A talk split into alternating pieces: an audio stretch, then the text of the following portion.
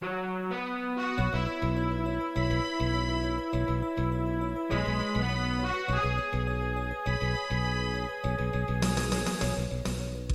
listening to Radio Free Asia. The following program is in Khmer.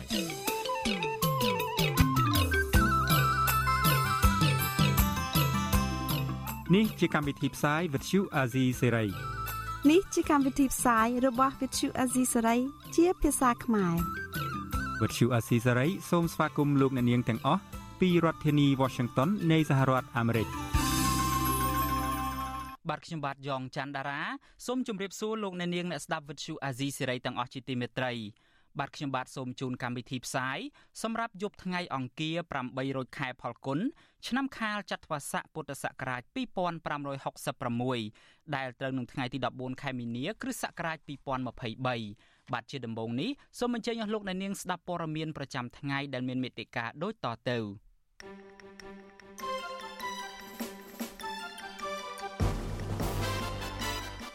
លោកនាយរដ្ឋមន្ត្រីហ៊ុនសែនចំអកគោលនយោបាយឧបត្ថម្ភសាច់ប្រាក់ដល់មនុស្សចាស់នៃគណៈបកភ្លើងទៀនសមត្ថកិច្ចយាមផ្ទះលោកកឹមសុខាមិនអោយមេធាវីចូលជួបរូបលោក មេធាវីបារម្ភថាដីផ្ទះរបស់លោកសុនឆៃនឹងត្រូវរឹបអូសបន្ទាប់ពីតុលាការឲ្យលោកចាញ់ក្តីគណៈបកកណ្ដាលអំណាចបាទនៅក្នុងនីតិវេទិកាអ្នកស្ដាប់វិទ្យុអាស៊ីសេរីនៅយប់នេះយើងនឹងជជែកពិភាក្សាថាតើហេតុអ្វីបានជាលោកហ៊ុនសែនកាត់ជ្រៀលសម្បត្តិជាតិឲ្យទៅបុគ្គលនិងក្រុមហ៊ុនឯកជនឥតឈប់ឈររួមនឹងព័ត៌មានសំខាន់សំខាន់មួយចំនួនទៀត បាទជាបន្តទៅទៀតនេះខ្ញុំបាទយ៉ងច័ន្ទដារាសូមជូនព័ត៌មានទាំងនេះពឺស្ដាបាទលោកនាងជាទីមេត្រីលោកនាយរដ្ឋមន្ត្រីហ៊ុនសែនបានសាយចំអកឲ្យគោលនយោបាយឧបត្ថម្ភសាច់ប្រាក់ដល់មនុស្សចាស់របស់គណៈបកប្រឆាំងនិងចាត់ទុកថានេះគ្រាន់តែជាការសន្យាប៉ុណ្ណោះ បាទមន្ត្រីគណៈបកប្រឆាំងឆ្លើយតបថាការដាក់ចេញនូវគោលនយោបាយនេះគឺបានឆ្លងកាត់នូវការសិក្សាស្រាវជ្រាវច្បាស់លាស់ហើយអាចអនុវត្តទៅបានប្រសិនបើកម្ពុជាមានរដ្ឋាភិបាលស្អាតស្អំបាទលោកអ្នកនាងនឹងបានស្ដាប់សេចក្តីរាយការណ៍នេះនៅពេលបន្តិចទៀតនេះ thank you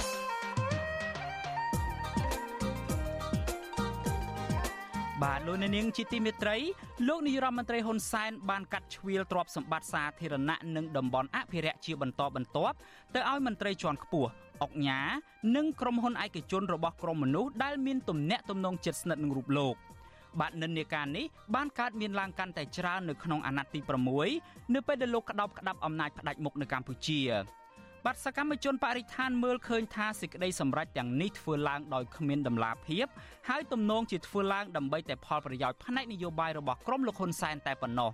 បាទនេះជាប្រធានបទនៃវេទិកាអ្នកស្ដាប់វិទ្យុអាស៊ីសេរីនៅយប់នេះបាទប្រសិនបើលោកអ្នកនាងមានសំណួរឬមួយក៏ចង់ចូលរួមបញ្ចេញមតិយោបល់លោកអ្នកនាងអាចដាក់លេខទូរស័ព្ទរបស់លោកអ្នកនាងនៅក្នុងខ្ទង់ comment Facebook និង YouTube របស់អាស៊ីសេរីដែលយើងកំពុងតែផ្សាយផ្ទាល់នេះបាទក្រុមការងាររបស់យើងនឹងហៅទៅលោកអ្នកនាងវិញបាទសូមអរគុណ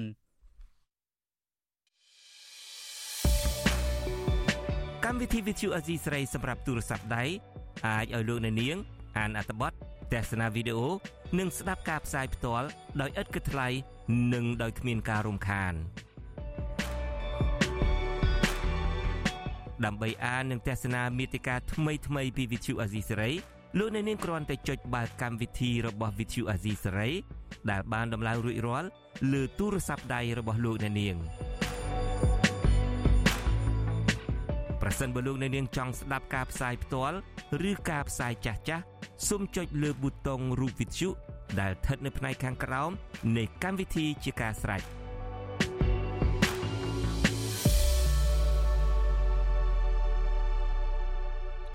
បាទលោកនាងជាទីមេត្រីយើងងាកមកចាប់អារម្មណ៍ទៅនឹងរឿងពាក់ព័ន្ធទៅនឹងតុលាការឯនេះវិញ បាទលោកនាយរដ្ឋមន្ត្រីហ៊ុនសែនបានស្នើសុំកុំឲ្យប្រជាពលរដ្ឋជេររូបលោករឿងចាញ់ក្តីនៅតុលាការដោយលោកអះអាងថាតុលាការគឺជាស្ថាប័នឯករាជ្យក៏ប៉ុន្តែមន្ត្រីគណៈបកប្រឆាំងយល់ថាតឡាការសពថ្ងៃនេះបំពេញការងារមិនឯករាជ្យនោះទេនឹងស្ថិតនៅក្រោមការខ្សែញាក់នៃអ្នកមានលុយមានអំណាចជាពិសេសគឺលោកហ៊ុនសែនផ្ទាល់តែម្ដងស្របពេលដែលប្រជាពលរដ្ឋក្រីក្រកំរទទួលបានយុត្តិធម៌ណាស់បាទនេះជាសេចក្តីរាយការណ៍របស់លោកទីនសាការីយ៉ា លោកនាយរដ្ឋមន្ត្រីហ៊ុនសែនបានលើកពីស្នាដៃដឹកនាំប្រទេសរបស់លោកនារដូវកាលបោះឆ្នោតកាន់តែខិតជិតមកដល់នេះនៅទន្ទឹមនឹងលោកហ៊ុនសែនអួតអាងពីស្នាដៃដឹកនាំរបស់លោកនោះលោកបានថ្លែងផ្លែផ្កាចំពោះគោលនយោបាយគណៈបកប្រឆាំងទៀតផងជាពិសេសលោកហាក់ចង់ផ្ញើសារស្អំចិត្តបរដ្ឋខ្មែរដែលធ្លាប់តែយល់ឃើញថាស្ថាប័នតុលាការនៅកម្ពុជាមិនឯករាជ្យក្រោមការដឹកនាំរបស់លោកហ៊ុនសែននោះថ្លែងនៅក្នុងពិធីសំណេះសំណាលជាមួយបរដ្ឋ ដែលរងផលប៉ះពាល់ពីគម្រោងសាងសង់ទំនប់វារីអគ្គិសនីស្ទឹងពោធិ៍សាត់មួយនៅខេត្តពោធិ៍សាត់នាថ្ងៃទី14មិនិនានេះលោកហ៊ុនសែនបានណែនាំឲ្យមន្ត្រីក្រមអាវ៉ាត់ខិតខំដោះស្រាយបញ្ហាចំនួនដីធ្លីជូនពលរដ្ឋនៅក្រៅប្រព័ន្ធតុលាការជាជាងប្តឹងផ្ដាល់គ្នានាំឲ្យខាត់បងពេលវេលាលុយកាក់ផ្សេងផ្សេងលោកបន្តថាបើប្តឹងផ្ដាល់គ្នាទៅតុលាការគឺមានតែអ្នកឈ្នះនិងអ្នកចាញ់តែប៉ុណ្ណោះប៉ុន្តែអ្នកដែលចាញ់ក្តីនៅតុលាការតែងតែជេរលោកទៅវិញ លន់សានអះអាងថាលោកមិនបានត្រួតត្រាលើប្រព័ន្ធតុលាការនោះទេ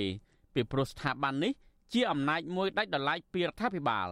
ខ្ញុំលើកទឹកចិត្តឲ្យដោះស្រាយចំនួនក្រៅប្រព័ន្ធតុលាការហើយរឿងនេះគឺរឿងដោះស្រាយបានបីម្ចាស់តាយើងហៅបីម្ចាស់ហ្នឹងហើយក្រាំរឿយូរយូរទៅអស់ក្រឹតខោទៀតក៏ថ្លៃមេធាវីនោះហើយអ្នកឈ្នះថាតុលាការយុទ្ធធរតើអ្នកចាញ់ថាតុលាការអយុត្តិធម៌ដល់យូរយូរយូរ ខឹងគោវាយតែខឹងតឡាការមកមកជេរហ៊ុនសែនហើយត្រូវអីពួកគេហៅថាពួកប្រឆាំងញាស់ថែមទៀតទៅជារឿងមួយផ្សេងទៀត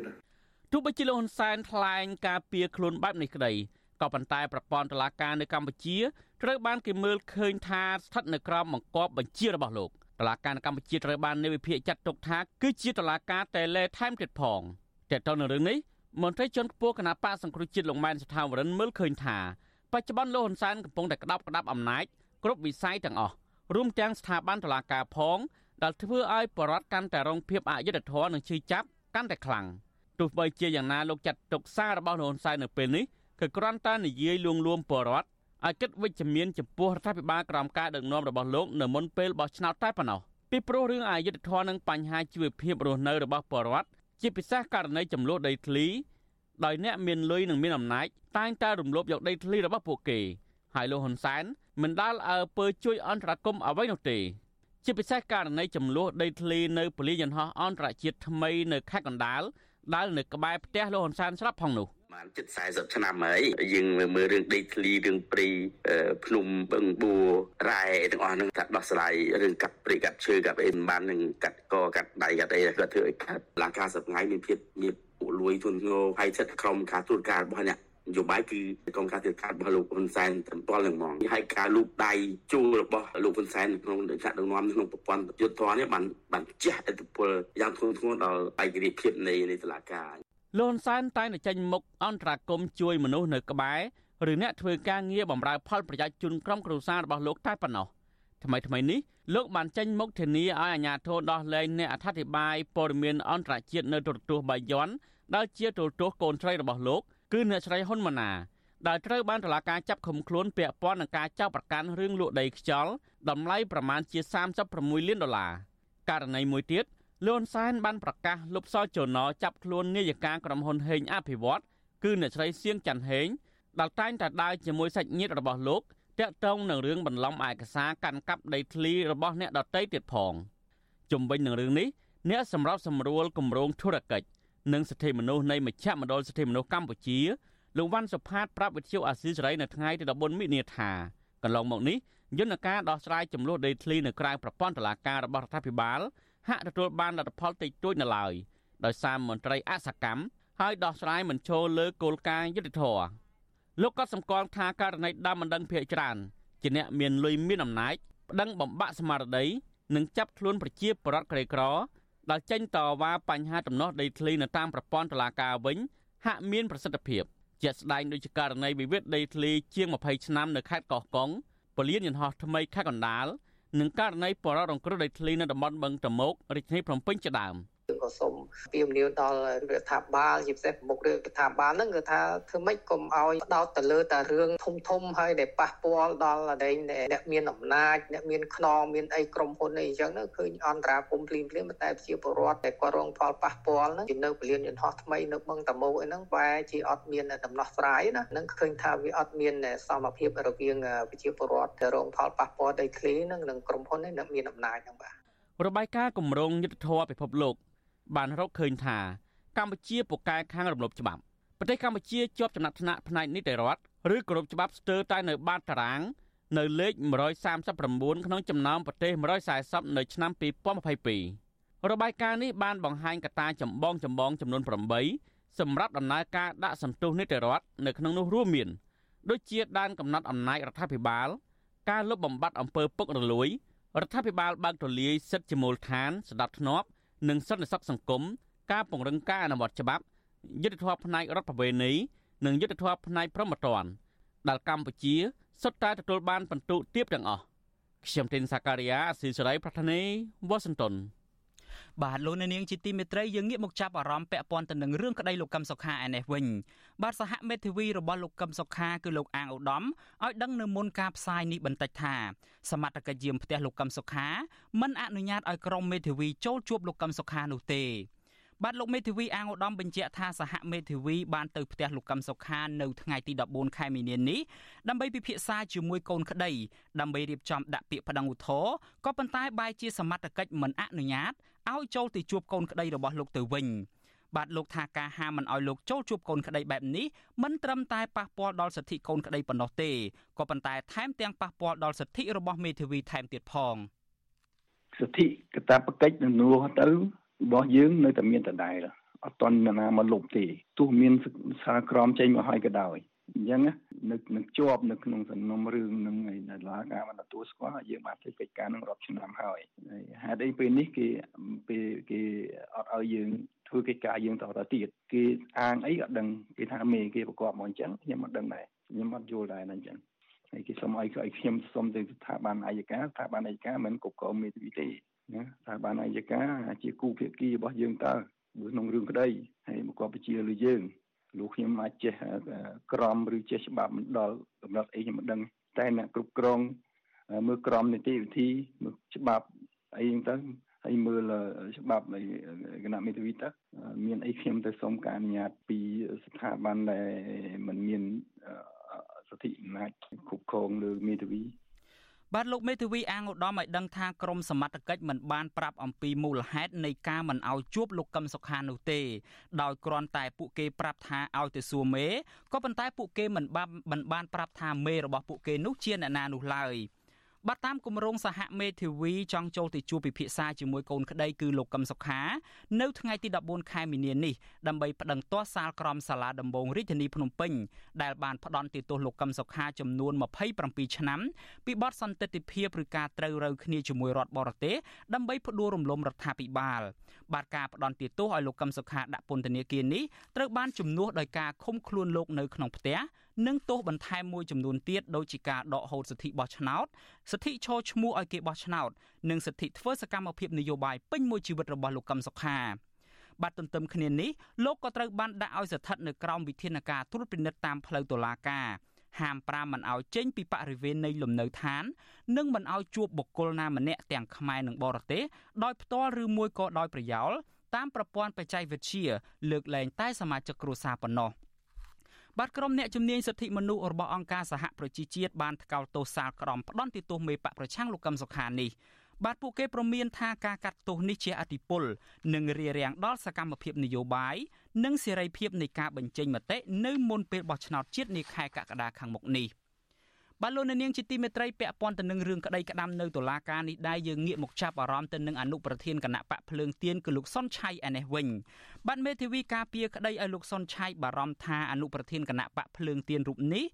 នឹងប្រឈមការបាត់បង់ដីធ្លីពីព្រោះតែគាត់គ្មានប្រាក់1លានដុល្លារបង់សំណងជំងឺចិត្តឲ្យទៅគណៈបកកណ្ដាលអំណាចបាទយើងប្រកូលនីតិនេះជូនលោកនៅវណ្ណរិនរាយការណ៍ជូនលោកអ្នកនាង។ មេធាវីការពារក្តីឲ្យលោកសុនឆៃនិងមន្ត្រីអង្គការសង្គមស៊ីវិលធ្វើការងារផ្នែកបោះឆ្នោតលើកឡើងថាគណៈបកកណ្ដាលអំណាចនៅតែមានលទ្ធភាពក្នុងការអនុគ្រោះមិនយកប្រាក់ជំងឺចិត្ត1លានដុល្លារពីលោកសុនឆៃទោះជាយ៉ាងណា មន្ត្រីជាន់ខ្ពស់គណៈបកប្រជាជនកម្ពុជា នៅតែរក្សាជំហរទៀមទាប្រាក់ជំងឺចិត្តពីលោកសុនឆៃដដែល មេធាវីការពារក្តីឲ្យលោកសុនឆៃគឺលោកកែតខីប្រាប់វិទ្យុអាស៊ីសេរីកាលពីថ្ងៃទី14ខែមីនានេះថាកូនក្តីរបស់លោកពេលនេះគ្មានប្រាក់បង់សងជំងឺចិត្ត1លានដុល្លារឲ្យទៅភៀកគីឈ្នះក្តីគណៈបកប្រជាជនកម្ពុជានោះទេមេធាវីប្រួយបារម្ភថាសាលដីការបស់តុលាការកំពូល ដែលសម្រេចការពីពេលថ្មីថ្មីនេះនឹងធ្វើឲ្យលោកសុនឆៃបាត់បង់ផ្ទះពីរកន្លែងនៅរាជធានីភ្នំពេញនិងនៅខេត្តសៀមរាប មេធាវីការពារក្តីឲ្យអនុប្រធានគណៈបកភ្លើងទៀនរូបនេះលើកឡើងទៀតថាបើទោះជាសំណុំរឿងលោកសុនឆៃត្រូវបានតុលាការកំពូលបិទផ្លូវតវ៉ាក្តីក៏ប៉ុន្តែលោកយល់ថាបើភាគីគណៈបកកាន់អំណាចផ្ដល់ការយោគយល់ដល់លោកសុនឆៃគឺអាចរកដំណោះស្រាយបានតាលិកាហ្នឹងវាចូលជាស្ថាពរទៅហើយអញ្ចឹងគាត់មិនមានថវិកាក្រៅទេ មានតែទ្រព្យសម្បត្តិហ្នឹងឯងអញ្ចឹងបើការដោះស្រាយសំណងវាមានតែនៅលើទ្រព្យសម្បត្តិគាត់អឺមិនហួសពេលទេនេះបើសិនជាមានការជជែកគ្នាបានគឺជាធម្មតារឿងកន្លងមកតែងតែមានការលើកលែងទោសពីព្រះមហាក្សត្រណាលើកលែងទោសហើយវាអស់មានតនកម្មហើយគណៈបព្វជិជនគេដកការទៀមទាសំណងទៅវាចាប់ព្រឹងបាត់ហើយ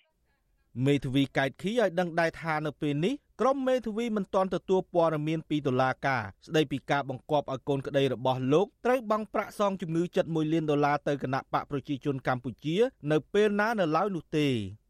កាលពីថ្ងៃទី23កុម្ភៈកន្លងទៅតុលាការកំពូលសម្រេចបិទផ្លូវតវ៉ាលើសំណុំរឿងគណៈបកកណ្ដាលអំណាចនិងកោជបប្តឹងលោកសុនឆៃពីបទបរិហាគេដោយបន្តឲ្យលោកសុនឆៃចាញ់ក្តីភៀកគីដើមបណ្ដឹងដដែល តុលាការចោទប្រកាន់ថាករណីលោកសុនឆៃរិះគន់ថាការបោះឆ្នោតឃុំសង្កាត់អាណត្តិទី5កន្លងទៅដែលថាមិនឆ្លោះបញ្ចាំងពីឆន្ទៈប្រជាពលរដ្ឋមានការបំផិតបំភ័យជាដើមនោះជាការប្រព្រឹត្តបទល្មើសបរិហាគេតុលាការកំពូលក៏បង្គាប់ឲ្យលោកសុនឆៃត្រូវបង់ប្រាក់ជំងឺចិត្តទៅគណៈបកប្រជាជនកម្ពុជាចំនួន1លានដុល្លារនិងបង់ប្រាក់ជំងឺចិត្តប្រមាណ2500ទៅឲ្យកោជបផងដែរ តាក់ទងនឹងរឿងនេះនាយកប្រតិបត្តិអង្គការឃ្លាំមើលការបោះឆ្នោតនៅកម្ពុជាហៅកាត់ថា Netflix លោកសំគុណធីមី សង្កេតឃើញថាការរិះគន់របស់លោកសុនឆៃរឿងបោះឆ្នោតគឺលោកសុនឆៃគ្មានចេតនាវាយប្រហារលើគណៈបកនយោបាយណាមួយឬស្ថាប័នណាមួយនោះទេលោកយល់ថាអ្វីដែលលោកសុនឆៃលើកឡើង គឺជាសេរីភាពបញ្ចេញមតិដោយសំអាងតាមការរកឃើញពីភ្នាក់ងាររបស់គណៈបកភ្លើងទៀននៅតាមមូលដ្ឋាន លោកយល់ថាការសម្រេចចិត្តរបស់តុលាការគ្រប់ជាន់ថ្នាក់ឲ្យលោកសុនឆៃចាញ់ក្តីក្នុងសំណុំរឿងនេះល្មមអាចឲ្យគណៈបកប្រជាជនកម្ពុជាទទួលបានហើយភាគីឈ្នះឆ្នោតគួរសម្រេចសម្របសម្រួលជាមួយលោកសុនឆៃក្នុងការលើកលែងមិនយកប្រាក់ជំងឺចិត្តចំនួន1លានដុល្លារពីលោកសុនឆៃបើសិនជាដើមមិនដឹងទទួលយកការសុំទោសឲ្យនេះទៅតុលាការដើម្បីជាសំណង អាហ្នឹងគឺតុលាការគេអាចសម្របសម្រួលតាមហ្នឹងដែរណាបាទអានឹងវាផ្អែកទៅលើដើមមិនដឹងណាបាទឆ្លើយតបនឹងរឿងនេះអ្នកនាំពាក្យគណៈបកប្រជាជនកម្ពុជាលោកសុកអេសាន នៅតែរក្សាជំហរទៀមទាប្រាក់ជំងឺចិត្តពីលោកសុនឆៃដដែលលោកចាត់ទុកថាការសំទោសរបស់លោកសុនឆៃកាលពីពេលថ្មីថ្មីនេះគឺយឺតពេលទៅហើយ ទោះបែបនេះក្តីលោកសុកអេសានក៏មិនដឹងថាគណៈបករបស់លោកនឹងត្រូវទទួលប្រាក់ជំងឺចិត្តពីលោកសុនឆៃនៅពេលណានោះទេដោយលោកទុកឲ្យតុលាការជាអ្នកចាត់ចែងរឿងនេះ។យើងគោរពតាមសាលក្រមអតឡាការបាទទោះបីជាមានចិត្តអាណិតអាសូរគាត់ក៏មិនដឹងធ្វើម៉េចតែយើងត្រូវគោរពច្បាប់បាទបើច្បាប់តឡាការគេកាត់យ៉ាងម៉េចយើងចាត់ទុកថាជាច្បាប់ហើយសេចក្តីសម្រេចរបស់តឡាការយើងចាត់ទុកថាជាច្បាប់ដូច្នេះយើងត្រូវគោរពបាទ កាលពីថ្ងៃទី13កុម្ភៈឆ្នាំ2023កន្លងទៅលោកសុនឆៃបានសរសេរលិខិតមួយផ្ញើទៅលោកហ៊ុនសែនដើម្បីសុំទោសចំពោះអ្វីដែលលោកបានលើកឡើងកន្លងទៅពាក់ព័ន្ធនឹងបញ្ហាលួចសន្លឹកឆ្នោតទោះជាយ៉ាងណាលោកហ៊ុនសែនមិនព្រមទទួលយកការសុំទោសនេះទេ ប្រធានសម្ព័ន្ធភាពការពារសិទ្ធិមនុស្សកម្ពុជាហៅកាត់ថាច្រាក់លោករស់សុថា សង្កេតឃើញថាសង្គមខ្មែរនៅពេលនេះមិនបានបង្កបរិយាកាសនយោបាយឲ្យទូលំទូលាយដល់អ្នកនយោបាយប្រឆាំងទេទើបអ្នកនយោបាយបញ្ចេញមតិបែរជាត្រូវរងការចោទប្រកាន់តាមផ្លូវតុលាការទៅវិញលោកចង់ឃើញរដ្ឋសភាដែលជាស្ថាប័នធ្វើច្បាប់គួរត្រួតពិនិត្យឡើងវិញពីការពិន័យប្រាក់ក្នុងសំណុំរឿងបរិហាគេនេះ លោកសង្កេតឃើញថាប្រទេសសេរីមួយចំនួនបង្គាប់ភាគីចាញ់ក្តីក្នុងសំណុំរឿងបរិហាគេបង់ប្រាក់ឲ្យទៅភាគីអ្នកឈ្នះតែ1ដុល្លារតែប៉ុណ្ណោះ។ បើសិនជាយើងមានឆន្ទៈក្នុងការសម្រុះសម្រួលគ្នាទោះបីថាខ្ញុំឃើញថាលោកសុនឆៃបានសំទោសហើយណាខ្ញុំឲ្យតម្លៃចេះទេខ្ញុំឲ្យតម្លៃលើការសំទោសព្រោះថាទោះបីថាមុនក្រោយការសំទោសវានៅជាការសំទោសដដែលហើយអ្វីដែលគណៈបកប្រជាជនចង់បានហ្នឹងវាបានហើយសាធារណជនបានលឺហើយគួរតែយល់អធិស្ឋានដល់គាត់ហើយអញ្ចឹងណាបើសិនជាយើងមិនយល់អធិស្ឋានឲ្យគ្នាទេគឺថាវាហាក់បីដូចជាថាយើងមានការប្រកាន់គ្នាហ្នឹង តុលាការរាជធានីភ្នំពេញបានចេញដីការរឹបអូសជាបណ្ដោះអាសន្ននៅអចលនទ្រព្យរបស់លោកសុនឆៃចំនួន2កន្លែងនៅក្នុងខណ្ឌទួលគោករាជធានីភ្នំពេញនិងក្រុងសៀមរាបខេត្តសៀមរាបដើម្បីត្រៀមទុកសងគណៈបកប្រជាជនកម្ពុជានៅរយៈពេលចុងក្រោយនេះរដ្ឋាភិបាលរបស់លោកហ៊ុនសែនបានធ្វើទុកបុកម្នេញលើមេដឹកនាំគណៈបកភ្លើងទៀនជាបន្តបន្ទាប់ក្រៅពីលោកសុនឆៃប្រឈមនឹងអស់ដីអស់ផ្ទះនៅពេលនេះ ឧត្តមទីប្រឹក្សាគណៈបកភ្លើងទៀនលោកគង់គួមត្រូវបង្ខំចិត្តប្រគល់ដីផ្ទះតម្លៃរាប់លានដុល្លារឲ្យទៅរដ្ឋាភិបាលរបស់លោកហ៊ុនសែនចំណែកឯអនុប្រធានគណៈបកភ្លើងទៀនម្នាក់ទៀតគឺលោកថាច់សេដ្ឋាកំពុងជាប់ពន្ធនាគារក្នុងសំណុំរឿងចេញសាច់អត់លុយ ហើយអ្នកនយោបាយមានឥទ្ធិពលម្នាក់ទៀតគឺលោកកឹមសុខាប្រធានគណៈបកសង្គ្រោះជាតិក៏ត្រូវបានតុលាការរាជធានីភ្នំពេញផ្តន្ទាទោសដាក់ពន្ធនាគារ27ឆ្នាំពីបទក្បត់ជាតិតែត្រូវតុលាការអនុញ្ញាតឲ្យលោកជាប់ឃុំឃាំងនៅក្នុងផ្ទះនិងត្រូវដកហូតសិទ្ធិសំខាន់សំខាន់មួយចំនួនទៀតខ្ញុំបាទនៅវណ្ណរិន with Chu Azizi Saray ពីរដ្ឋធានី Washington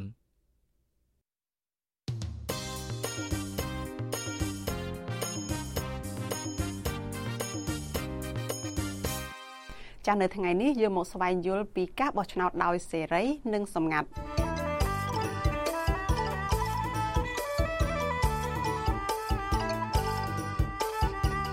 ចាជំរាបសួរលោកអ្នកនាងចាជួបជាមួយនឹងខ្ញុំសុជីវីសាជាថ្មីម្ដងទៀតក្នុងការស្វែងយល់ពីការបោះឆ្នោតចានៅថ្ងៃនេះយើងមកស្វែងយល់ពីការបោះឆ្នោតដោយសេរី និងសម្ងាត់ ចាប់ពាក្យថាការបោះឆ្នោតដោយសេរីនេះគឺជាការបោះឆ្នោតទៅតាមឆន្ទៈ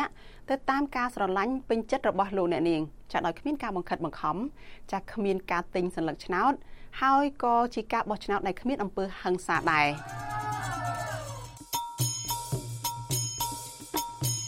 ចាស់ជាមួយគ្នានេះលោកអ្នកនាងក៏អាចទទួលបានព័ត៌មានពីការបោះឆ្នោតនិងព័ត៌មានដទៃផ្សេងទៀតចាស់បានដោយសេរីនិងមានតម្លាភាព ចាចំណែកការបោះឆ្នោតដោយសម្ងាត់វិញគឺសំដៅទៅលើការធានាបាននៅភាពសម្ងាត់របស់អ្នកបោះឆ្នោតក្នុងនោះគឺលោកអ្នកនាងចូលទៅបោះឆ្នោតនៅក្នុងបន្ទប់សម្ងាត់ហើយលោកអ្នកនាងបិទសัญลักษณ์ឆ្នោតរបស់លោកអ្នកនាងនោះបិទចិត្តទម្លាក់ទៅក្នុងហឹបឆ្នោតចាគឺនៅលាយឡំគ្នាជាមួយនឹងសัญลักษณ์ឆ្នោតដតីទៀតដែលដូចដូចគ្នាគឺมันអាចសម្គាល់បានថាលោកអ្នកនាងបោះឆ្នោតឲ្យគណៈបកណាមួយឡើយចាលើពីនេះទៅទៀត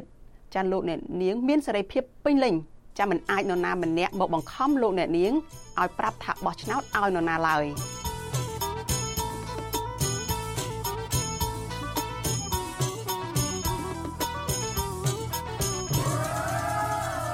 ចាសសัญลักษณ์ឆ្នោតសម្ងាត់បែបនេះគឺជាកត្តាចម្បងនៅក្នុងការធានាការបោះឆ្នោតដោយសេរីរបស់លោកអ្នកនាងចាលោកអ្នកនាងនឹងជួបនាងខ្ញុំសុជីវីនៅក្នុងវីដេអូក្រោយទៀតចាប់ពីការស្វែងយល់ពីការបោះឆ្នោតនេះជាបន្តទៅទៀត។ ចា៎នេះខ្ញុំសូមអរគុណនិងសូមជម្រាបលា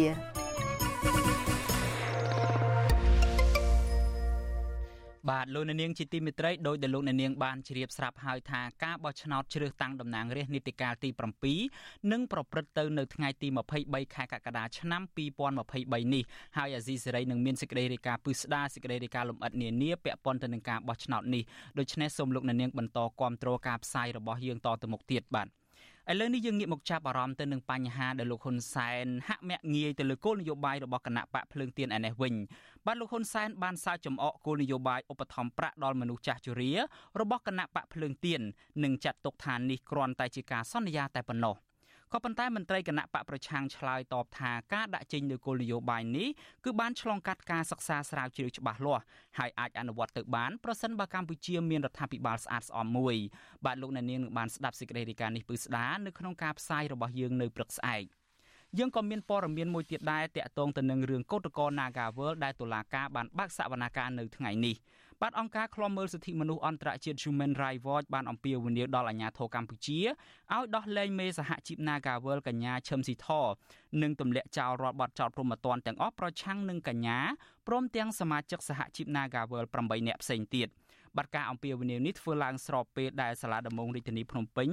បានបន្តសវនាការលើកទី3ជុំវិញសំណុំរឿងកោតក្រ Nagawal នេះបាទលោកអ្នកនាងក៏នឹងបានស្ដាប់ព័ត៌មាននេះនៅក្នុងការផ្សាយរបស់យើងនៅក្នុងព្រឹកស្អែកនោះពេលនោះផងដែរបាទសូមអរគុណ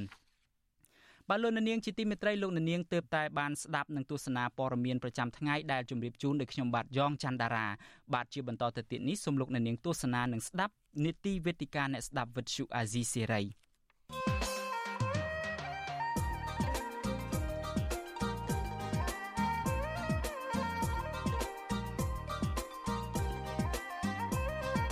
វេទិកាអ្នកស្ដាប់វិទ្យុអាស៊ីសេរី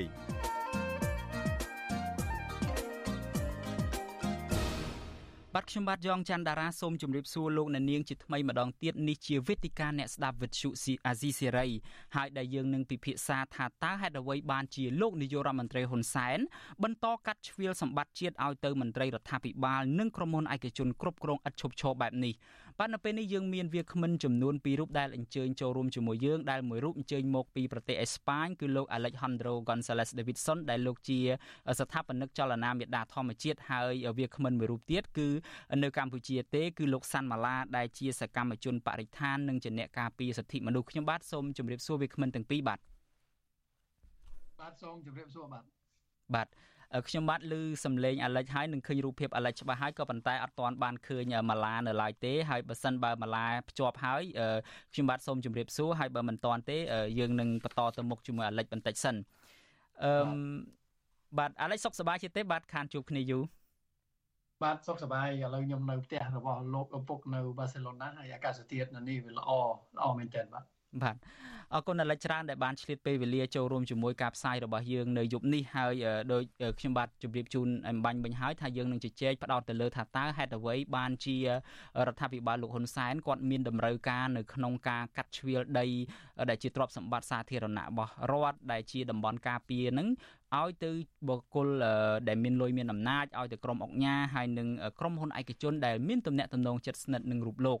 ក៏ប៉ុន្តែមុននឹងយើងជជែកគ្នាលម្អិតនេះខ្ញុំបាទសូមជូនសេចក្តីផ្ដើមនៃរឿងនេះបន្តិចយើងដឹងហើយថានៅក្នុងអាណត្តិដឹកនាំទី6នេះគឺជាការដឹកនាំបែបឯកបកមិនមានបកណាចូលរួមទេទាំងនៅក្នុងស្ថាប័នសភាក៏ដោយហើយលោកនាយករដ្ឋមន្ត្រីហ៊ុនសែនបានសម្រុកកាត់ជ្រៀលដីរបស់រដ្ឋនិងតំបន់អភិរក្សនឹងឲ្យคล้ายទៅជាកម្មសិទ្ធិឯកជននឹងឥតឈប់ឈរ បាទក្រុមអ្នកដែលលោកហ៊ុនសែនចែកទ្រព្យសម្បត្តិជាតិទៅឲ្យនោះយើងឃើញថាមាន4 4ក្រុមដែលយើងឃើញទាំងអស់គ្នានឹងគឺថាក្រុមទី1យើងមើលឃើញថាជាមន្ត្រីជាន់ខ្ពស់នៅក្នុងជួររដ្ឋាភិបាល មានន័យថាឋានៈជាមេប៉ូលីសឋានៈជារដ្ឋលេខាធិការឬមួយក៏រហូតដល់រដ្ឋមន្ត្រីឧបនាយករដ្ឋមន្ត្រីនឹងគឺសុទ្ធតែបានទ្របដែលលោកហ៊ុនសែនកាត់ពីរដ្ឋទៅហើយក្រុមទី2យើងឃើញថាក្រុមអុកញ៉ាដែលជួយទ្រទ្រង់ដល់របបដឹកនាំរបស់គាត់ ក្រុមអ្នកមានលុយមួយចំនួនដែលកន្លងមកមានរឿងអាស្រូវតាក់ទងទៅនឹងការរំលោភបំពានដីធ្លីហ្នឹងក៏បានទ្រព្យសម្បត្តិជាតិពីលោកហ៊ុនសែនដែរហើយក្រុមមនុស្សទី3ហ្នឹងគឺយើងឃើញថាគឺជាពពួកក្រុមហ៊ុនឯកជនដែលមានទំនាក់ទំនងរកស៊ីជិតស្និទ្ធជាមួយនឹងត្រកូលហ៊ុន ហើយយើងឃើញថាក្រមទី4ជាក្រមចុងក្រោយគេនឹងគឺជាប្រជាពលរដ្ឋសាមញ្ញហើយការជជែកយើងនៅពេលនេះគឺយើងនឹងមិនជជែកផ្ដោតទៅលើការចែកជាកម្មសិទ្ធិឯកជននឹងឲ្យទៅប្រជាពលរដ្ឋសាមញ្ញទេពីព្រោះថារូបភាពនៃការចែកជូនដល់ប្រជាពលរដ្ឋសាមញ្ញនេះគឺ បើយើងពិនិត្យមើលទៅវាមានលក្ខណៈទ្រង់ទ្រាយតូចជាងការផ្ដល់ទៅឲ្យក្រុមមនុស្ស3ប្រភេទមុនហ្នឹងហើយម្យ៉ាងវិញទៀតវាមានលក្ខណៈបើកចំហជាងមានន័យថាប្រសិនបើគេត្រូវធ្វើប្រតិណកម្មត្រូវផ្ដល់ជាកម្មសិទ្ធិឲ្យទៅប្រជាពលរដ្ឋអីហ្នឹងជាទូទៅគឺមានការធ្វើតាមនីតិវិធីបានដឹងឮច្រើនក៏ប៉ុន្តែករណីក្រុមមនុស្ស3ប្រភេទដែលយើងរៀបរាប់ពីខាងដើមមានមន្ត្រីជាន់ខ្ពស់រដ្ឋាភិបាលមានក្រុមអង្គការហើយនិងក្រុមហ៊ុនឯកជនដែលស្និទ្ធនឹងតកូលហ៊ុនហ្នឹងគឺជាទូទៅការផ្ដល់ដីសម្បត្តិឬមួយក៏ផ្ដល់ប្រតិណកម្មទាំងអស់ហ្នឹងគឺអត់ដែលបានដឹងឮជាសាធារណៈទេខ្ញុំបាទឃើញរូបសាន់ម៉ាឡាហើយម៉ាឡាខ្ញុំបាទសូមជម្រាបសួរពីចម្ងាយបាទយើងនៅតែមិនទាន់ភ្ជាប់គាត់បាននៅឡើយទេយើងនឹងព្យាយាមទៀតបាទអឺឥឡូវនេះខ្ញុំចង់ចាប់ផ្ដើមសំណួរជាបឋមតែម្ដងទៅទៅកាន់អាលិចដោយសារអាលិចជាសកម្មជនបរិស្ថានជាអ្នកដែលបានខ្លំមើលពីរឿងធនធានធម្មជាតិនៅកម្ពុជានេះយូរអង្វែងមកហើយហើយប៉ុន្តែមុននឹងលំអិតទៅដល់ប្រធានបទខ្ញុំចាប់អារម្មណ៍រឿងមួយអាលិចឃើញ អតីតសកម្មជនមេដាធម្មជាតិមួយចំនួននឹងបានចូលរួមជាមួយគណៈបព្វជិជនកម្ពុជាខ្លាយជាមន្ត្រីរដ្ឋាភិបាលហើយពួកគេចាប់ផ្ដើមយុទ្ធនាការវាយប្រហារអាលិចជាបន្តបន្ទាប់ជាមេបដិវត្តពណ៌អីផងហ្នឹងសូមចង់ឲ្យអាលិចមានប្រតិកម្មដោយខ្លីមុននឹងយើងឈានចូលទៅប្រធានបទយើងលំអិតនោះបាទសូមជើញបាទអឺវាយប្រហារទៅលើអាលិចគឺខ្ញុំចាត់ទុកជាពានរង្វាន់ដែលរបបប្រជាការផ្ដល់ឲ្យយើងពីព្រោះសកម្មជន ដែលចូលរួមជាមួយគណៈបកប្រជាជនដើម្បីបង្កើតអង្គការคล้ายคล้ายឈ្មោះអង្គការមេដាធម្មជាតិហ្នឹងជាអង្គការក្នុងរដ្ឋាភិបាលទេមិនមែនអង្គការក្រៅរដ្ឋាភិបាល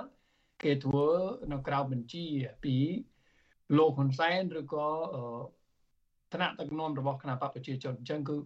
នៅពេលដែលលោកហ៊ុនសែនបញ្ជាឲ្យជេរគេជេរនៅពេលដែលគេបញ្ជាឲ្យចាត់ប្រកាន់ថាខ្ញុំជា CIA ក៏ត្រូវតែចោតនៅពេលដែលគេ បញ្ជាឲ្យរំក៏រំបញ្ជាឲ្យឲ្យឲ្យអង្គុយក៏អង្គុយអញ្ចឹងគឺក្នុងពេលនេះខ្ញុំមានតែអាណិតអាសូរហើយខ្ញុំរីករាយនឹងទទួលពានរង្វាន់របស់លោកហ៊ុនសែនរាល់ពេលដែលគេចាត់ប្រកាសទៅលើខ្ញុំហើយអ្វីដែលសំខាន់បំផុតគឺអារ៉ែងព្រៃឈើសេះសល់កោះកងក្រៅទន្លេសាបទន្លេមេគង្គនឹងគឺអ្វីដែលសំខាន់បំផុតនឹងគឺមិនមែនសកម្មជនក្លែងក្លាយប្រហែលអ្នកអីហើយមិនអាឡិចសំខាន់ទេសំខាន់គឺទន្ទានធម្មជាតិរបស់ខ្មែរទោះមិនឲ្យ អ្វីដែលសេះសល់ក៏ការពារបានបាទអាលិចអាចអាចចាត់ទុកថានេះជាមរតករបស់អាលិចដែរទេពីព្រោះថាយ៉ាងហោចណាស់ក៏ពួកគាត់ទាំងអស់គ្នានឹងមួយចំនួនក៏ធ្លាប់ធ្វើការមួយអាលិចក៏ទទួលគំនិតយោបល់ពីអាលិចហើយខ្លាយទៅជាអ្នកការពារបរិស្ថានដែរយ៉ាងហោចណាស់ក៏មកចំណែកណាមួយនោះក៏ដោយសារអាលិចដែរមិនអញ្ចឹងអីបាទនេះដល់ចូលរួមជាមួយគណៈបកប្រជាជនប្រហែលអ្នកហ្នឹងគឺតែប៉ិតតិចមែនតើតិចមែនតើយើងមើលវីដេអូប្រហែលថ្ងៃមុនហ្នឹងឃើញ អឺអង្គភាពអឺឃោសនារបស់លោកហ៊ុនសែនប្រែត New Age ជាដើមហ្នឹងដាក់ថា25នាក់30នាក់គ្មានទេខ្ញុំស្គាល់តែម្នាក់ពីរនាក់ហ្នឹងគឺក្រៅតែពីហ្នឹងគឺមនុស្សខ្មោចហ្នឹងមិនដឹងថាមកពីណាហ្នឹងគឺគេមិនអាចមានលទ្ធភាពការពារប្រៃឈើបានទេអាហ្នឹងគឺច្បាស់យើងខ្ញុំខ្ញុំច្បាស់100%សង្ឃឹមថាយុវជនដែលចូលមួយបកប្រជាជនដើម្បីបង្កើតអង្គការមេដាធម្មជាតិខ្លាំងខ្លាយ សង្ឃឹមថាគេយល់ដែរគ្រាន់តែគេត្រូវបានបង្ខិតបង្ខំណាពីព្រោះយើងឃើញថាបើយើងចូលរួមជាមួយបកប្រជាជនដើម្បីការពារប្រៃឈើអាហ្នឹងគឺតរួចទេបាទឥឡូវទូនាទីរបស់យុវជនប្រមាណអ្នកចូលជាមួយគេគឺមានតែគេហៅថាបំពេញទូនាទីក្នុងនាមជាតួកប្លែងតួអាយ៉ងរបស់គេបិទភ្នែកបិទច្រមុះឬក៏វាយទៅលើសកម្មជនបរិស្ថានពិតប្រាកដ ដើម្បីអនុញ្ញាតឲ្យលោកទ្រីភិបកាប់ឈើដើម្បីអនុញ្ញាតលោកលេខយមផាតហ្នឹងគឺបំផ្លាញទន្ទានធម្មជាតិចេះសល់ទីគឺអត់មានសង្ឃឹមណាមួយដែលថាយុវជនការពីយុវជនដែលតែងខ្លួនជាសកម្មជន បរិស្ថានคล้ายคล้ายហ្នឹងគឺអត់អាចការពារប្រៃឈើបានទេអាហ្នឹងគឺជាជាចម្លើយរបស់ខ្ញុំសិនបាទបាទអាលិចថាច្បាស់ថាมันអាចធ្វើសកម្មភាពអីបានទេហើយពួកគាត់ទៅហ្នឹងក៏คล้ายទៅជាអ្នកដែលនាំពាក្យឲ្យគេហើយក៏ มันអាចជួយធ្វើអីបានហ្នឹងអាលិចថាច្បាស់ហ្នឹងជាការពិតច្បាស់ហ្នឹងគឺថាច្បាស់ទាំងរូបអាលិចផងប្រហែលជា Full HD ហើយរូបភាពមុខមាត់អាលិចពុកមាត់អីហ្នឹងឡើងសហើយគឺយើងមើលឃើញច្បាស់ណាស់បាទហើយបាទយើងចូលរួមជាមួយយើងនៅពេលនេះក៏យើងមានលោកសាន់ម៉ាឡាមួយរូបដែរសាន់ម៉ាឡាតាមពិតគាត់ក៏ជាអតីតសកម្មជនមេដាធម្មជាតិដែរហើយគាត់ធ្លាប់ជាប់ពន្ធនាគារដោយសារតែគាត់បានធ្វើសកម្មភាពប្រឆាំងទៅនឹងការបូមខ្សាច់បែបអាណាធិបតេយ្យនៅក្នុងខេត្តកោះកុងហើយសហការីរបស់គាត់មួយរូបទៀតដែលធ្លាប់ជាប់ពន្ធនាគារដែរនោះយើងឃើញលេចមុខដែរថាទៅចូលរួមជាមួយរដ្ឋាភិបាលអីហ្នឹងជាបន្តបន្ទាប់ដែរហើយប៉ុន្តែក៏មានដែរអ្នកដតីទៀតដែលនៅបន្តសកម្មភាពរបស់ខ្លួនហើយសង្ឃឹមថាម៉ាឡាឮខ្ញុំហើយបាទឮខ្ញុំហើយឥឡូវទេម៉ាឡាបាទបានបានជំរាបសួរបងនឹងអលេចបាទខ្ញុំទទួលបានជាធម្មតាហើយបានជួយស្រាយដែរបាទតែខ្ញុំអ៊ីនធឺណិតមានបញ្ហាបាទ អ៊ីនធឺណិតមានបញ្ហាប៉ុន្តែរូបសង្ហាណាបាទរូបស្លឹកនៅលើដែលយើងដាក់លើអេក្រង់នេះបាទបាទអឺឥឡូវនេះយើងជជែកទៅដល់ប្រធានបទលំអិតតែម្ដងទៅដោយខ្ញុំបានរៀបរាប់ពីខាងដើមហើយពីរឿងការកាត់ជ្រៀលតំបន់ការពារធម្មជាតិដីព្រៃសាធារណៈរបស់រដ្ឋជាពិសេសដីគម្របព្រៃឈើនឹងយើងឃើញ មានការសម្រុកកាត់ឲ្យច្រើនមែនទែននៅក្នុងអាណត្តិទី6នេះជាពិសេសនៅអំឡុងឆ្នាំ2022យើងឃើញថាអនុក្រឹត្យរបស់លោកហ៊ុនសែនគឺចេញមកជាបន្តបន្ទាប់យើងអាចនិយាយដោយខ្លីថាលោកនាយករដ្ឋមន្ត្រីហ៊ុនសែនគាត់ កាត់ដីរបស់សាធារណៈរបស់រដ្ឋឬមួយក៏ដីតំបន់ការពារនឹងទៅឲ្យបុគ្គលឯកជនហើយមិនមែនជាក្នុងទម្រង់ជាការផ្ដល់ជាសម្បទានសេដ្ឋកិច្ចទេបាទគឺការធ្វើប្រទានកម្មមានន័យថាឲ្យជាកម្មសិទ្ធិឯកជនផ្ដាច់មុខតែម្ដងដីខ្លះគឺដីព្រៃរហូតដល់រាប់រយហិកតាដីខ្លះជាដីដីតំបន់ការពារធម្មជាតិរាប់រយហិកតាឧទាហរណ៍នៅក្នុងស្រុកព្រៃនប់ខេត្តកោះកុងអីចឹងជាដើមអញ្ចឹងចង់ដឹងចំណាប់អារម្មណ៍ជាដំបូងតើអាលិចយល់យ៉ាងណាដែរចំពោះនិន្នាការចុងក្រោយនេះបាទ អឺវាមិនជារឿងថ្មីទេណាដែលថា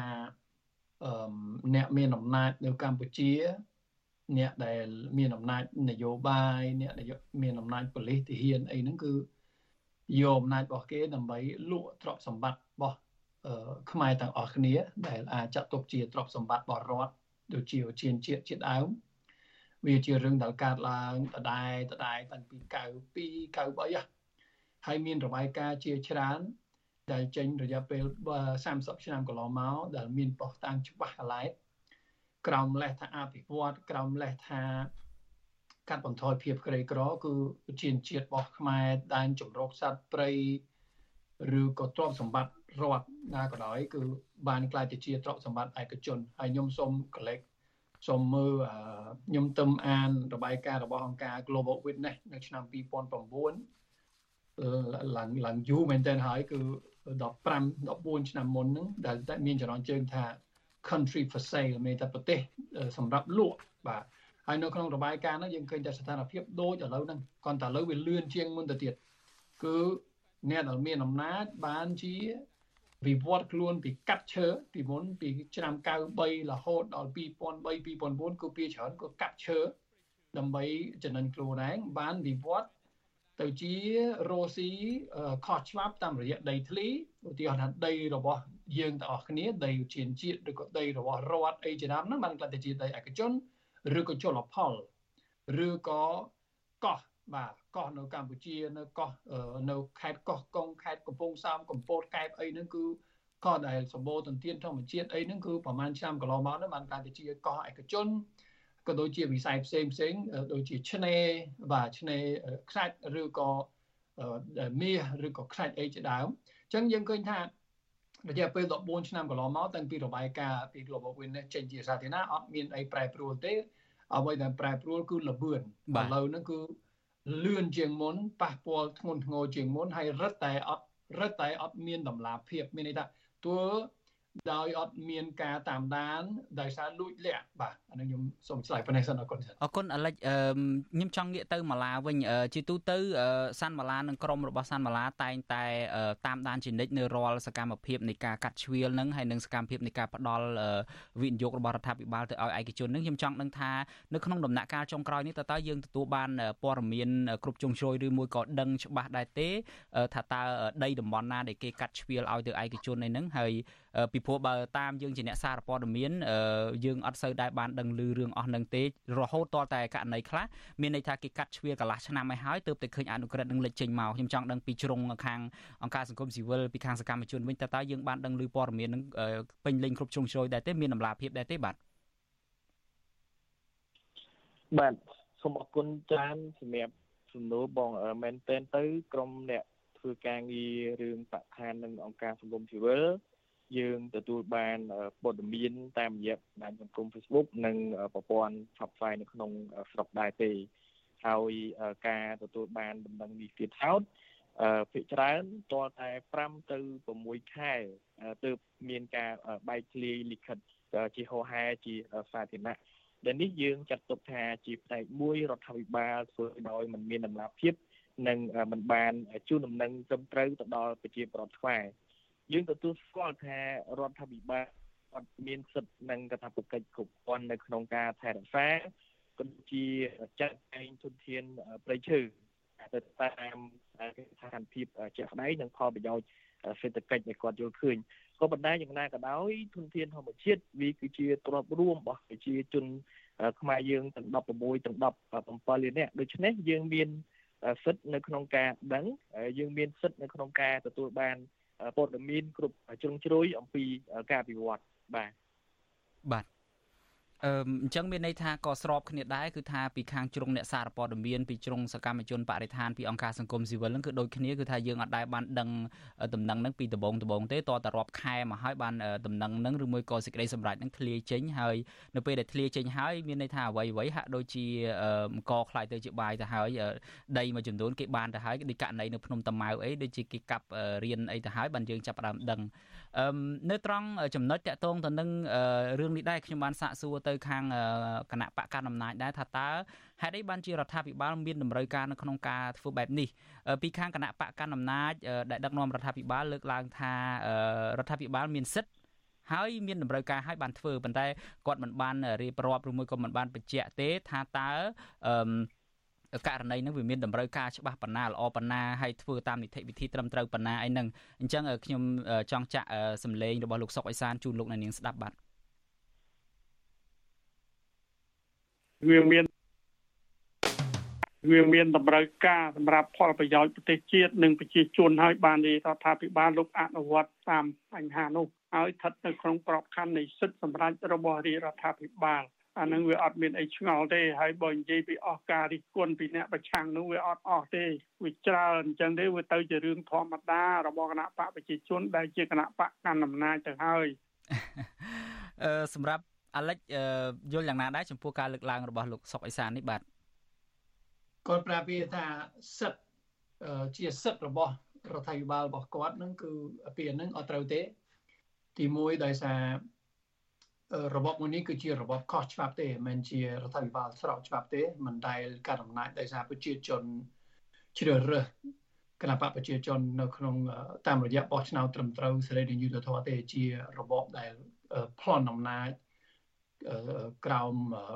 ល្បិចកលមួយចំនួនក្រោមអំពើហិង្សាអីចឹងទៅអាហ្នឹងទី1ទី2បើយើងមើលច្បាប់នឹងនៅកម្ពុជា មិនច្បាប់មិនចាំបាច់មើលដល់ច្បាប់អន្តរជាតិទេគាត់ថាច្បាប់នៅក្នុងស្រុកឬក៏រដ្ឋធម្មនុញ្ញយើងឃើញថាច្បាប់នៅកម្ពុជាមិនអនុញ្ញាតឲ្យអ្នកកាន់អំណាចនឹងទទួលបែបអញ្ចឹងទេបាទដោយលោកសានម៉ាឡាមានប្រសាសន៍ហើយគឺទ្រព្យសម្បត្តិរដ្ឋទ្រព្យសម្បត្តិរួមទាំងអស់គ្នាមិនអាចយកទៅក្លាយទៅជាដីឯកជនក្លាយទៅជាទ្រព្យសម្បត្តិឯកជនបានទេហើយអ្វីដែលគណៈបកប្រជាជនកំពុងទទួលគឺផ្ទុយនឹងច្បាប់ដែលគណៈបកប្រជាជនខ្លួនឯងបានអនុម័តនៅក្នុងសភា ប៉ុន្តែมันមានន័យភ្ញាក់ផ្អើលទេសុកអេសាននិយាយអញ្ចឹងគឺត្រឹមត្រូវព្រោះអាចថាអឺវាមិនពិតប៉ុន្តែវាមិនមិនភ្ញាក់ផ្អើលទេដោយសារគាត់កំពុងតែនឹងគ្នាគាត់នឹងដល់ការអំណាចក្នុងបកប្រជាជននឹងកំពុងតែរស់ស៊ីហ្នឹងរស់ស៊ីរឿងកាប់ឈើរស់ស៊ីរឿងលក់ទ្រព្យសម្បត្តិរបស់យើងទាំងអស់គ្នាដើម្បីខ្លះទៅជាទ្រព្យសម្បត្តិឯកជនពីព្រោះកុំភ្លេចថា គេថាភាពស្មោះត្រង់របស់បុគ្គលនិងគ្រួសារនៅជំវិញនៅជំវិញលោកហ៊ុនសែនគេស្មោះនឹងហ៊ុនសែនមិនមែនដោយសារមនោគមវិជ្ជាមិនមែនដោយសារគេជឿជាក់ទៅលើនយោបាយរបស់លោកហ៊ុនសែនណាគេស្មោះត្រង់នឹងគាត់នឹងដោយសារលុយបាទដោយសារលោកហ៊ុនសែនគឺអនុញ្ញាតឲ្យគេបានចំណេញតាមសកម្មភាពស្របច្បាប់និងសកម្មភាពខុសច្បាប់រយៈពេល30ឆ្នាំកន្លងមកកុំច្រឡំថា គេអកុនសន្តិភាព គេពាក់អាវបកប្រជាជន គេពាក់មួកផ្លាក់ទេវតាអីហ្នឹងដោយសារគេជឿជាក់ទៅលើគាត់ថាគាត់មនុស្សនយោបាយអ្នកនយោបាយអស់ចាទេអត់ទេណាដោយសារលុយសត្វសាទេអញ្ចឹងគឺការស្មោះត្រង់របស់បុគ្គលប្រមាណអ្នកនៅជំវិញលោកហ៊ុនសែនទាំងអ្នកទាហានទាំងមេប៉ូលីសអីជាដើមទាំងអ្នកនយោបាយទាំងអកញ៉ាហ្នឹងគឺស្មោះត្រង់ជាមួយគាត់ដោយសារលុយហើយចំមិនចង់គឺត្រូវតែ រលុយតទៅមុខទៀតបើសិនជាលោកហ៊ុនសែនមិនមានមិនមានវិធីណាមួយដើម្បីចែកលុយឲ្យគេ គេលែងស្មោះត្រង់ជាមួយគាត់ណាអាហ្នឹងក៏ជាគ្រោះថ្នាក់មួយសម្រាប់គាត់ដែរអញ្ចឹងបានថាសកម្មភាពដែលយើងឃើញកន្លងមកដែលថាដីឯកដីដែលពីមុនជាដីរបស់រដ្ឋនឹងក៏ក្លាយទៅជាដីឯកជនគឺមានន័យថាហ៊ុនសែនក៏ត្រូវការទិញភាពស្មោះត្រង់របស់មនុស្សជំនាញខ្លួនហើយនៅពេលដែលថ្ងៃណាមួយអឺ លោកហ៊ុនសែនគ្មានលទ្ធភាពទៅចែកទ្រព្យសម្បត្តិរដ្ឋឲ្យគេហ្នឹងគឺលេងស្មោះត្រង់ជាមួយអាហ្នឹងអ្វីដែលជាមូលហេតុដែរលោកហ៊ុនសែនបន្ថែមលបឿនប្រហែលឆ្នាំកន្លងមកនៅក្នុងចែក ទ្រព្យសម្បត្តិរបស់ប្រជាជនខ្មែរទាំងអស់ហ្នឹងឲ្យក្លាយទៅជាទ្រព្យសម្បត្តិរបស់ឯកជនតែប្រហែលអ្នកទេបាទបាទអរគុណអាលិចលោកនាងជាទីមេត្រីយើងកំពុងតែពិភាក្សាគ្នាអំពីមូលហេតុថាតើហេតុអ្វីបានជារដ្ឋាភិបាលលោកហ៊ុនសែនមានតម្រូវការនៅក្នុងការកាត់ជ្រៀលដីទ្រព្យសម្បត្តិសាធារណៈរបស់រដ្ឋដីតំបន់ការពារនឹងឲ្យទៅបុគ្គលឯកជនឲ្យទៅមន្ត្រីជាន់ខ្ពស់រដ្ឋាភិបាលនិងក្រុមអង្គការជាដើម ហើយខ្ញុំចង់ជូនសំណួរមួយទៅលោកសាន់ម៉ាឡាម៉ាឡាបើប្រជាពលរដ្ឋតាមម៉ាឡារៀបរាប់បាញ់មិញថាតាមផ្លូវច្បាប់ជាពិសេសរដ្ឋធម្មនុញ្ញផងហ្នឹងដីធ្លីទ្រព្យសម្បត្តិសាធារណៈរបស់រដ្ឋអីហ្នឹងគឺសិតសឹងតែជាសម្បត្តិរួមរបស់ប្រជាពលរដ្ឋរបស់ខ្មែរយើងទាំងអស់គ្នាហើយបើតាមការបកស្រាយរបស់រដ្ឋាភិបាលគណៈបកកណ្ដាលអំណាចដឹកនាំរដ្ឋាភិបាលហ្នឹងក៏ថាហ្នឹងជាសិទ្ធិសម្រាប់របស់ រដ្ឋាភិបាលដែរហើយអញ្ចឹងមានន័យថាការបកស្រាយនេះมันមានលក្ខណៈខ្វែងគ្នាទៅហើយបាទថាតើយើងជាប្រជាពលរដ្ឋអាចទទួលបានផលប្រយោជន៍ដែរទេនៅពេលដែលសេចក្តីសម្រេចទាំងអស់ត្រូវតែសម្រេចនៅលើនាយករដ្ឋមន្ត្រីអីហ្នឹងបាទបាទអឺប្រទេសកម្ពុជាវាជារដ្ឋដែលមានការគោរពលទ្ធិប្រជាធិបតេយ្យជាគោលរដ្ឋាភិបាលគ្រាន់តែជាអ្នកតំណាងរបស់ ប្រជាពលរដ្ឋនៅក្នុងការចាត់ចែងនិងដឹកនាំតាមប្រទេសជាតិក៏ប៉ុន្តែมันបានសេចក្តីថារាល់ទ្រព្យសម្បត្តិទាំងអស់រដ្ឋាភិបាលសុទ្ធតែអាចចាត់ចែងទៅតាមការយល់ឃើញរបស់ខ្លួនដើម្បីបម្រើតែផលប្រយោជន៍និងបពពួកមនុស្សដែលមានលុយនិងមានអំណាចតែប៉ុណ្ណោះទេការចែងការផ្ដល់សិទ្ធិវិនិយោគ ការប្រគល់ដីព្រៃដីសាធារណៈកន្លែងទៅឲ្យបុគ្គលឬក៏វិស័យជនវាត្រូវតែឆ្លើយតបជាមួយនឹងតម្រូវការជាក់ស្ដែងរបស់ប្រជាប្រទេសជាតិដែលវាត្រូវតែបំរើទៅដល់ប្រយោជន៍មនុស្សនៅក្នុងសង្គមរបស់យើងទាំងមូលក្នុងនោះបើយើងមើលទៅលើរដ្ឋធម្មនុញ្ញបាទតាមខ្ញុំចាំមិនខុសហ្នឹងមាត្រា54គេនិយាយអំពីករណីកិច្ចរបស់ប្រជាពលរដ្ឋខ្មែរដែលមានសិទ្ធិចូលរួម បាទការពារនៅធនធានទ្រព្យសម្បត្តិទាំងឡាយណាដែលជារបស់ជាតិខ្មែរយើងហើយដល់ឡែកយើងមានច្បាប់ផ្សេងទៀតមានច្បាប់ប្រៃឈើយើងមានច្បាប់ស្តីពីតំបន់ការពារធម្មជាតិក៏សុទ្ធតែនិយាយអំពីកិច្ចនឹងការចូលរួមរបស់ប្រជាពលប្រជាពលរដ្ឋខ្មែរក្នុងការថែរក្សានៅធនធានទ្រព្យសម្បត្តិទាំងអស់ទៅដែរដូច្នេះបើសិនជាអ្វីដែលត្រូវបានធ្វើឡើង ចេះតែអនុម័តទៅតាមការយល់ឃើញរបស់អភិបាលខ្ញុំគិតថាវានឹងបង្កើតឲ្យមានសោតនេតកម្មសម្រាប់ប្រជាពលរដ្ឋខ្មែរយើងវាធ្វើឲ្យមានអង្គើអយុធធម៌ពីពេញផ្ទៃប្រទេសបាទចំណុចនេះយើងត្រូវតែនាំគ្នាស្វែងយល់ទាំងអស់គ្នាបាទបាទ អរគុណម៉ាឡាឥឡូវនេះយើងមានអ្នកស្ដាប់យើងមួយរូប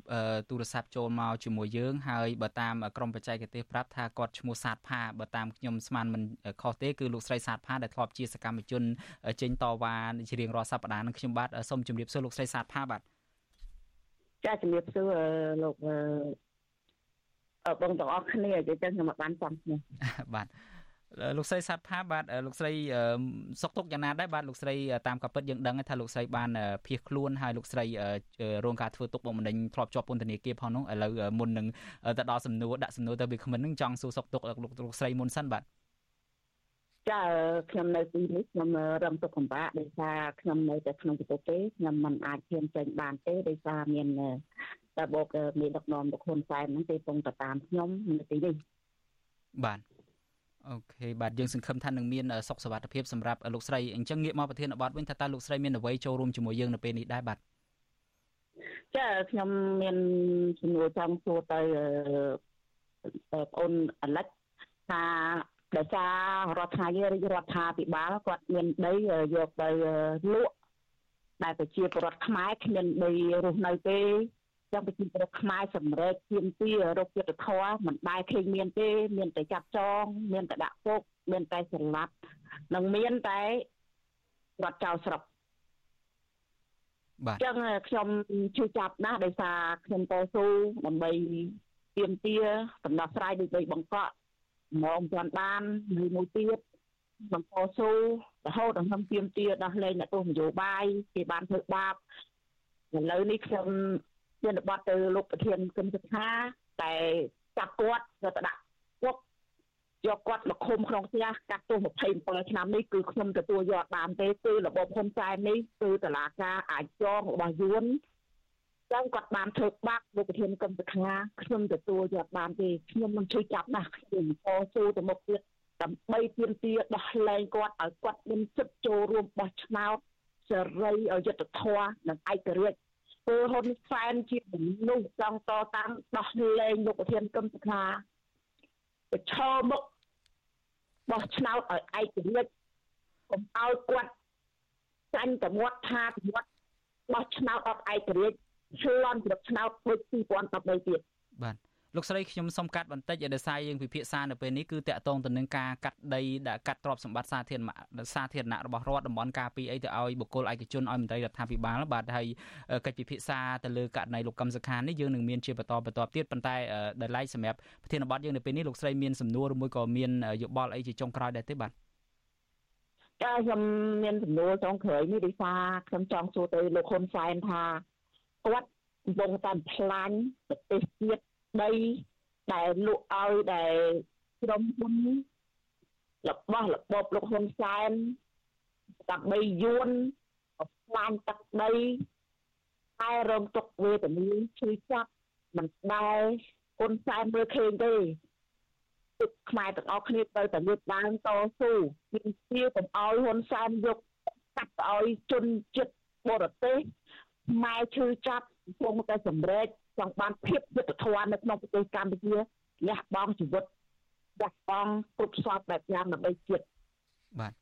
ខ្ញុំបាទសូមអរគុណលោកសីសាទផាដែលចូលរួមជាមួយយើងនៅពេលនេះហើយ អ្វីដែលលោកស្រីលើកឡើងហ្នឹងតាមពិតមិនមែនថាជាសំណួរអីទេគាត់គ្រាន់តែចង់បញ្ចេញមតិយោបល់ទេហើយយោបល់របស់គាត់គឺភាកច្រើនទៅលើតែរឿងនយោបាយទេមិនតាក់ទងទៅនឹងប្រធានបទយើងនៅពេលនេះទេហើយករណីដែលគាត់លើកឡើងពីរឿងកម្មសខានេះដោយខ្ញុំបានជម្រាបជូនអញ្ចឹងថាយើងនឹងបន្តតាមដានទៀតហើយដោយព័ត៌មានពីខាងដើមនេះខ្ញុំបានជម្រាបជូនអញ្ចឹងថ្ងៃនេះក្រមវេទិវីលោកកម្មសខានឹងថាក្រុងនឹងទៅជួបគាត់ជជែកអំពីរឿងប្តឹងឧទ្ធរប៉ុន្តែសន្តិសុខ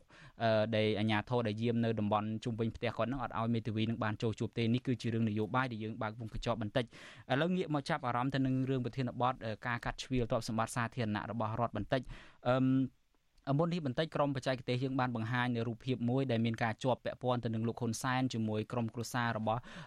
អង្គញាឡៅមេងឃីននិងលោកស្រីជឹងសុភិបហៅយីភូជាមួយនឹងគ្រួសាររបស់លោកអូនពាន់មនីរតអីចឹងជាដើមនេះគឺជារូបភាពនៃបែបបតៈកលាគ្នានៃការដែល មានតំណែងតំណងនៃការរស់ស៊ីផងជាសាច់ញាតិផងហើយ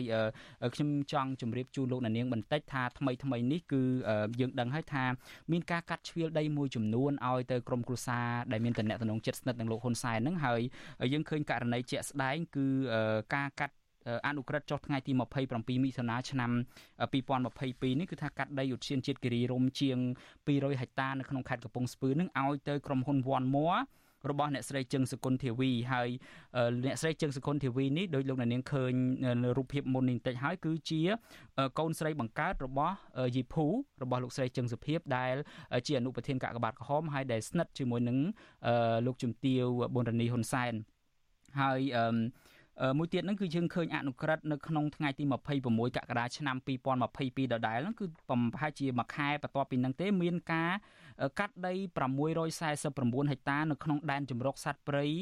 អឺភ្នំអរ៉ាល់នៅក្នុងខេត្តកំពង់ឆ្នាំងដើម្បីជួលទៅឲ្យក្រុមហ៊ុន One Fraternity របស់អ្នកស្រីជឹងសុគន្ធធាវីដដែលយើងមិនដឹងថាតើមូលហេតុអីបានជារដ្ឋាភិបាលត្រូវផ្ដល់ដីនឹងទៅឲ្យគាត់ទាំងដែលតំបន់ទាំងពីរនេះគឺសុទ្ធសឹងតែជាតំបន់ការពារធម្មជាតិដែលការពារដោយព្រះរាជក្រឹត្យ ហើយมันនៅមិនឆ្ងាយពីធរៈវេលានឹងដដែលទេគឺនៅក្នុងខែកក្កដាឆ្នាំ2022ហ្នឹងក៏មានការកាត់ដីទំហំ70ហិកតានៅក្នុងដែនជម្រកសត្វព្រៃកែវសីមាហ្នឹងទៅឲ្យ ក្រុមហ៊ុនមួយឈ្មោះ One Prosperity របស់អ្នកស្រីអឹមប៉ូលីកាអ្នកស្រីអឹមប៉ូលីកានេះគឺជាភរិយារបស់លោកអូនពាន់មនីរតដោយតែខ្ញុំបានជម្រាបជូនអញ្ចឹងថាក្រុមហ៊ុនទាំងអស់ហ្នឹងគឺមានតំណែងតំណងជាមួយនឹងក្រុមគ្រួសារលោកនាយរដ្ឋមន្ត្រីហ៊ុនសែនផងហើយជាការបតៈកលាគ្នាខាងខ្សែស្រឡាយសាច់ញាតិទៅទៀតលោកអូនពាន់មនីរតហើយនិងភរិយារបស់គាត់នឹងមានកូនម្នាក់ឈ្មោះអូនពាន់មនីរាជនឹងដែលរៀប ភ្ជាប់ពាក្យគ្នាជាមួយនឹងចៅរបស់យីភូនិងលោកឡៅមីងឃីននឹងហើយយើងនឹងបន្តតាមដានទៀតថាតើនឹងមានការកាត់ដីត្រង់ណាទៀតឲ្យទៅក្រុមគ្រួសារដែលមានតំណែងតំណងជិតស្និទ្ធជាមួយនឹងគ្រួសារតកូលហ៊ុននេះឥឡូវងាកមកចាប់អារម្មណ៍នឹងចំណុចមួយទៀតវិញខ្ញុំចង់ដឹងថាតើនៅពេលដែលទ្រព្យសម្បត្តិទាំងអស់របស់ជាតិសម្បត្តិរួមទាំងអស់គ្នានឹងត្រូវបានកាត់ជ្រៀតដោយលោកនាយករដ្ឋមន្ត្រីហ៊ុនសែនឆាវឆាវបែបហ្នឹងថាតើ អនាគតនៃតំបន់ការពារធម្មជាតិនៅកម្ពុជានឹងនឹងអាចនឹងទៅជាបែបណាដែរសំណួរនេះសូមជូនទៅម៉ាឡាបាទបាទបាទអរគុណខ្ញុំបងអឺខ្ញុំមានចំណុចមួយមែនទែនទៅចង់ឆ្លើយតបជាមួយនឹងការលើកឡើងរបស់លោកសុកអ៊ីសានខ្លះខ្លះហើយក៏ជាការធ្វើការឆ្លុះបញ្ចាំងអំពីអ្វីដែលជាគោលនយោបាយជាការសន្យារបស់ រដ្ឋាភិបាលហើយនឹងកម្មភាពជាក់ស្ដែងដែលបន្តបដិបដោយមានការកម្មផ្លាញព្រៃឈើនិងការបកគលបាទដីរបស់រដ្ឋទៅឲ្យបុគ្គលឯកជននិងវិស័យជន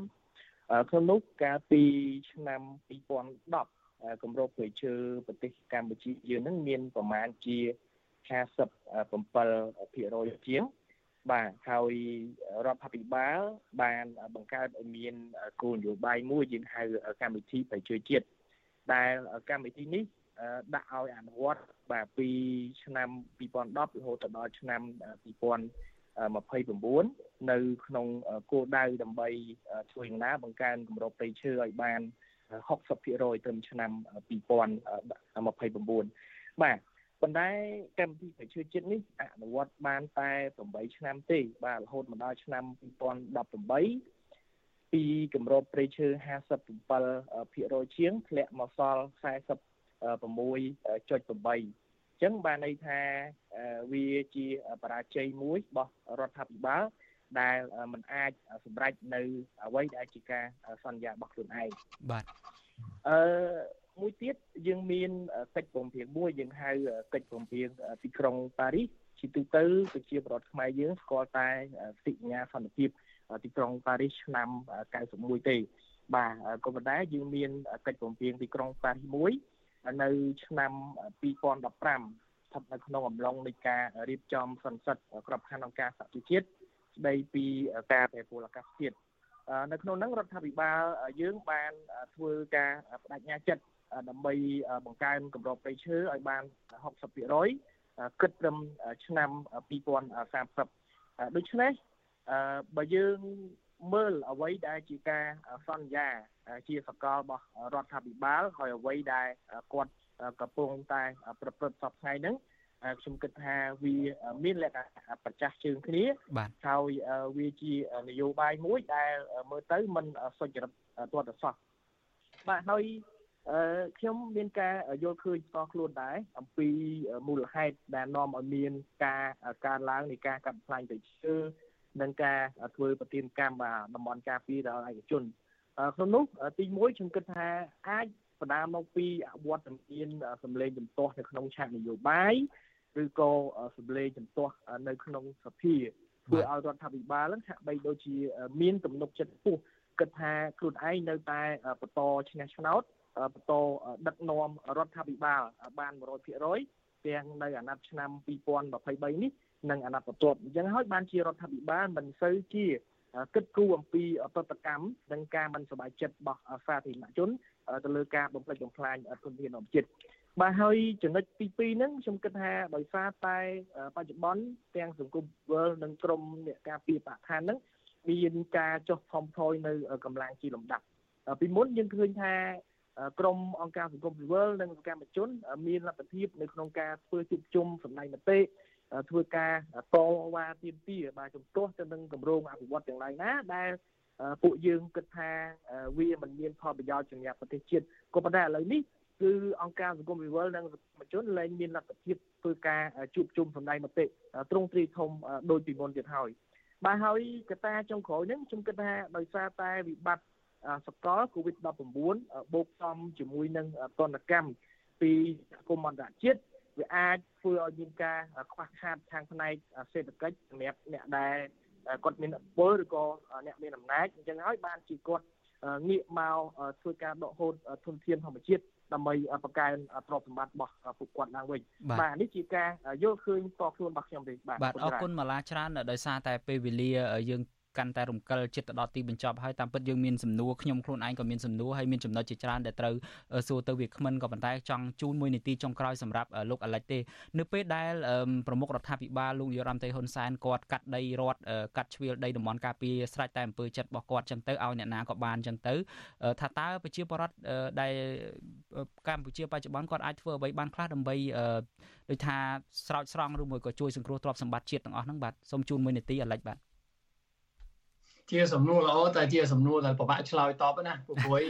បើសិនជាថាបង្កើតអង្គការសង្គមស៊ីវិលឯករាជ្យក៏គេចាក់ដាក់គុកឬក៏គេគំរាមបើសិនជាថាចង់ដើរតួជាសកម្មជនក៏គេក៏គេបង្ក្រាបផងប៉ុន្តែខ្ញុំថានៅតែមានផ្លូវដើរច្រើនខ្មែរឥឡូវមានយុវជន ជាងពាក់កណ្ដាលប្រទេសហើយយុវជន ខ្មែរលេងល្ងងទេគឺឆ្លាត គេមានចំណេះដឹងហើយមួយទៀតខ្មែរឥឡូវមានអ៊ីនធឺណិតសឹងតែ ពេញពេញប្រទេសហើយហើយទោះបីជារបបប្រជាការមិនអនុញ្ញាតឲ្យយើងចុះបញ្ជីជាអង្គការសមាគមក្នុងក្រសួងមហាផ្ទៃក៏បញ្ហាទេយើងអាចធ្វើការយោងទៅតាមរដ្ឋធម្មនុញ្ញយោងទៅតាមកតិកាសញ្ញាអន្តរជាតិដែលដែលដែលដែលគេថាប្រជាពលរដ្ឋរៀងរៀងខ្លួនគេមានកាតព្វកិច្ចគេមានសិទ្ធិការពារទ្រព្យសម្បត្តិបរិបទប្រជារបស់យើងទាំងអស់គ្នាហើយដូចខ្ញុំតាំងតនិយាយ មូលហេតុអីដែលមានយុវជនខ្មែរជាច្រើនដែលចូលរួមជាមួយវិទ្យាធម្មជាតិក្តីឬក៏ចូលរួមជាមួយអង្គការការពារបរិស្ថានហ្នឹងមិនដោយសារខ្ញុំឬក៏មិនដោយសារប្រាខែឬក៏មិនដោយសារគោលនយោបាយរបស់អង្គការសង្គមស៊ីវិលទេគឺដោយសារមានមានអ្នកបង្ក្រាបមានសំទោសមានអ្នកបំផ្លាញដរាបណាមានអ្នកបំផ្លាញមិនខ្វះទេយុវជនដែលចង់ចូលរួមការពារតន្ទានធម្មជាតិទោះបីជាមានឧបសគ្គតទៅមុខទៀតហើយពាក្យចុងក្រោយរបស់ខ្ញុំនឹងកុំភ្លេចថាឧបសគ្គដែលកើតឡើងតទៅមុខទៀតគឺ សិតតែឱកាសសម្រាប់យើងរីកចម្រើនដើម្បីក្លាយជាសកម្មជនខ្លាំងជាងមុនបាទបាទអរគុណអាលិចហើយនិងអរគុណម៉ាឡាដែលបានអញ្ជើញចូលរួមក្នុងកម្មវិធីយើងហើយយើងកម្មវិធីក៏បានដល់ទីបញ្ចប់ដែរខ្ញុំបាទសូមអរគុណនិង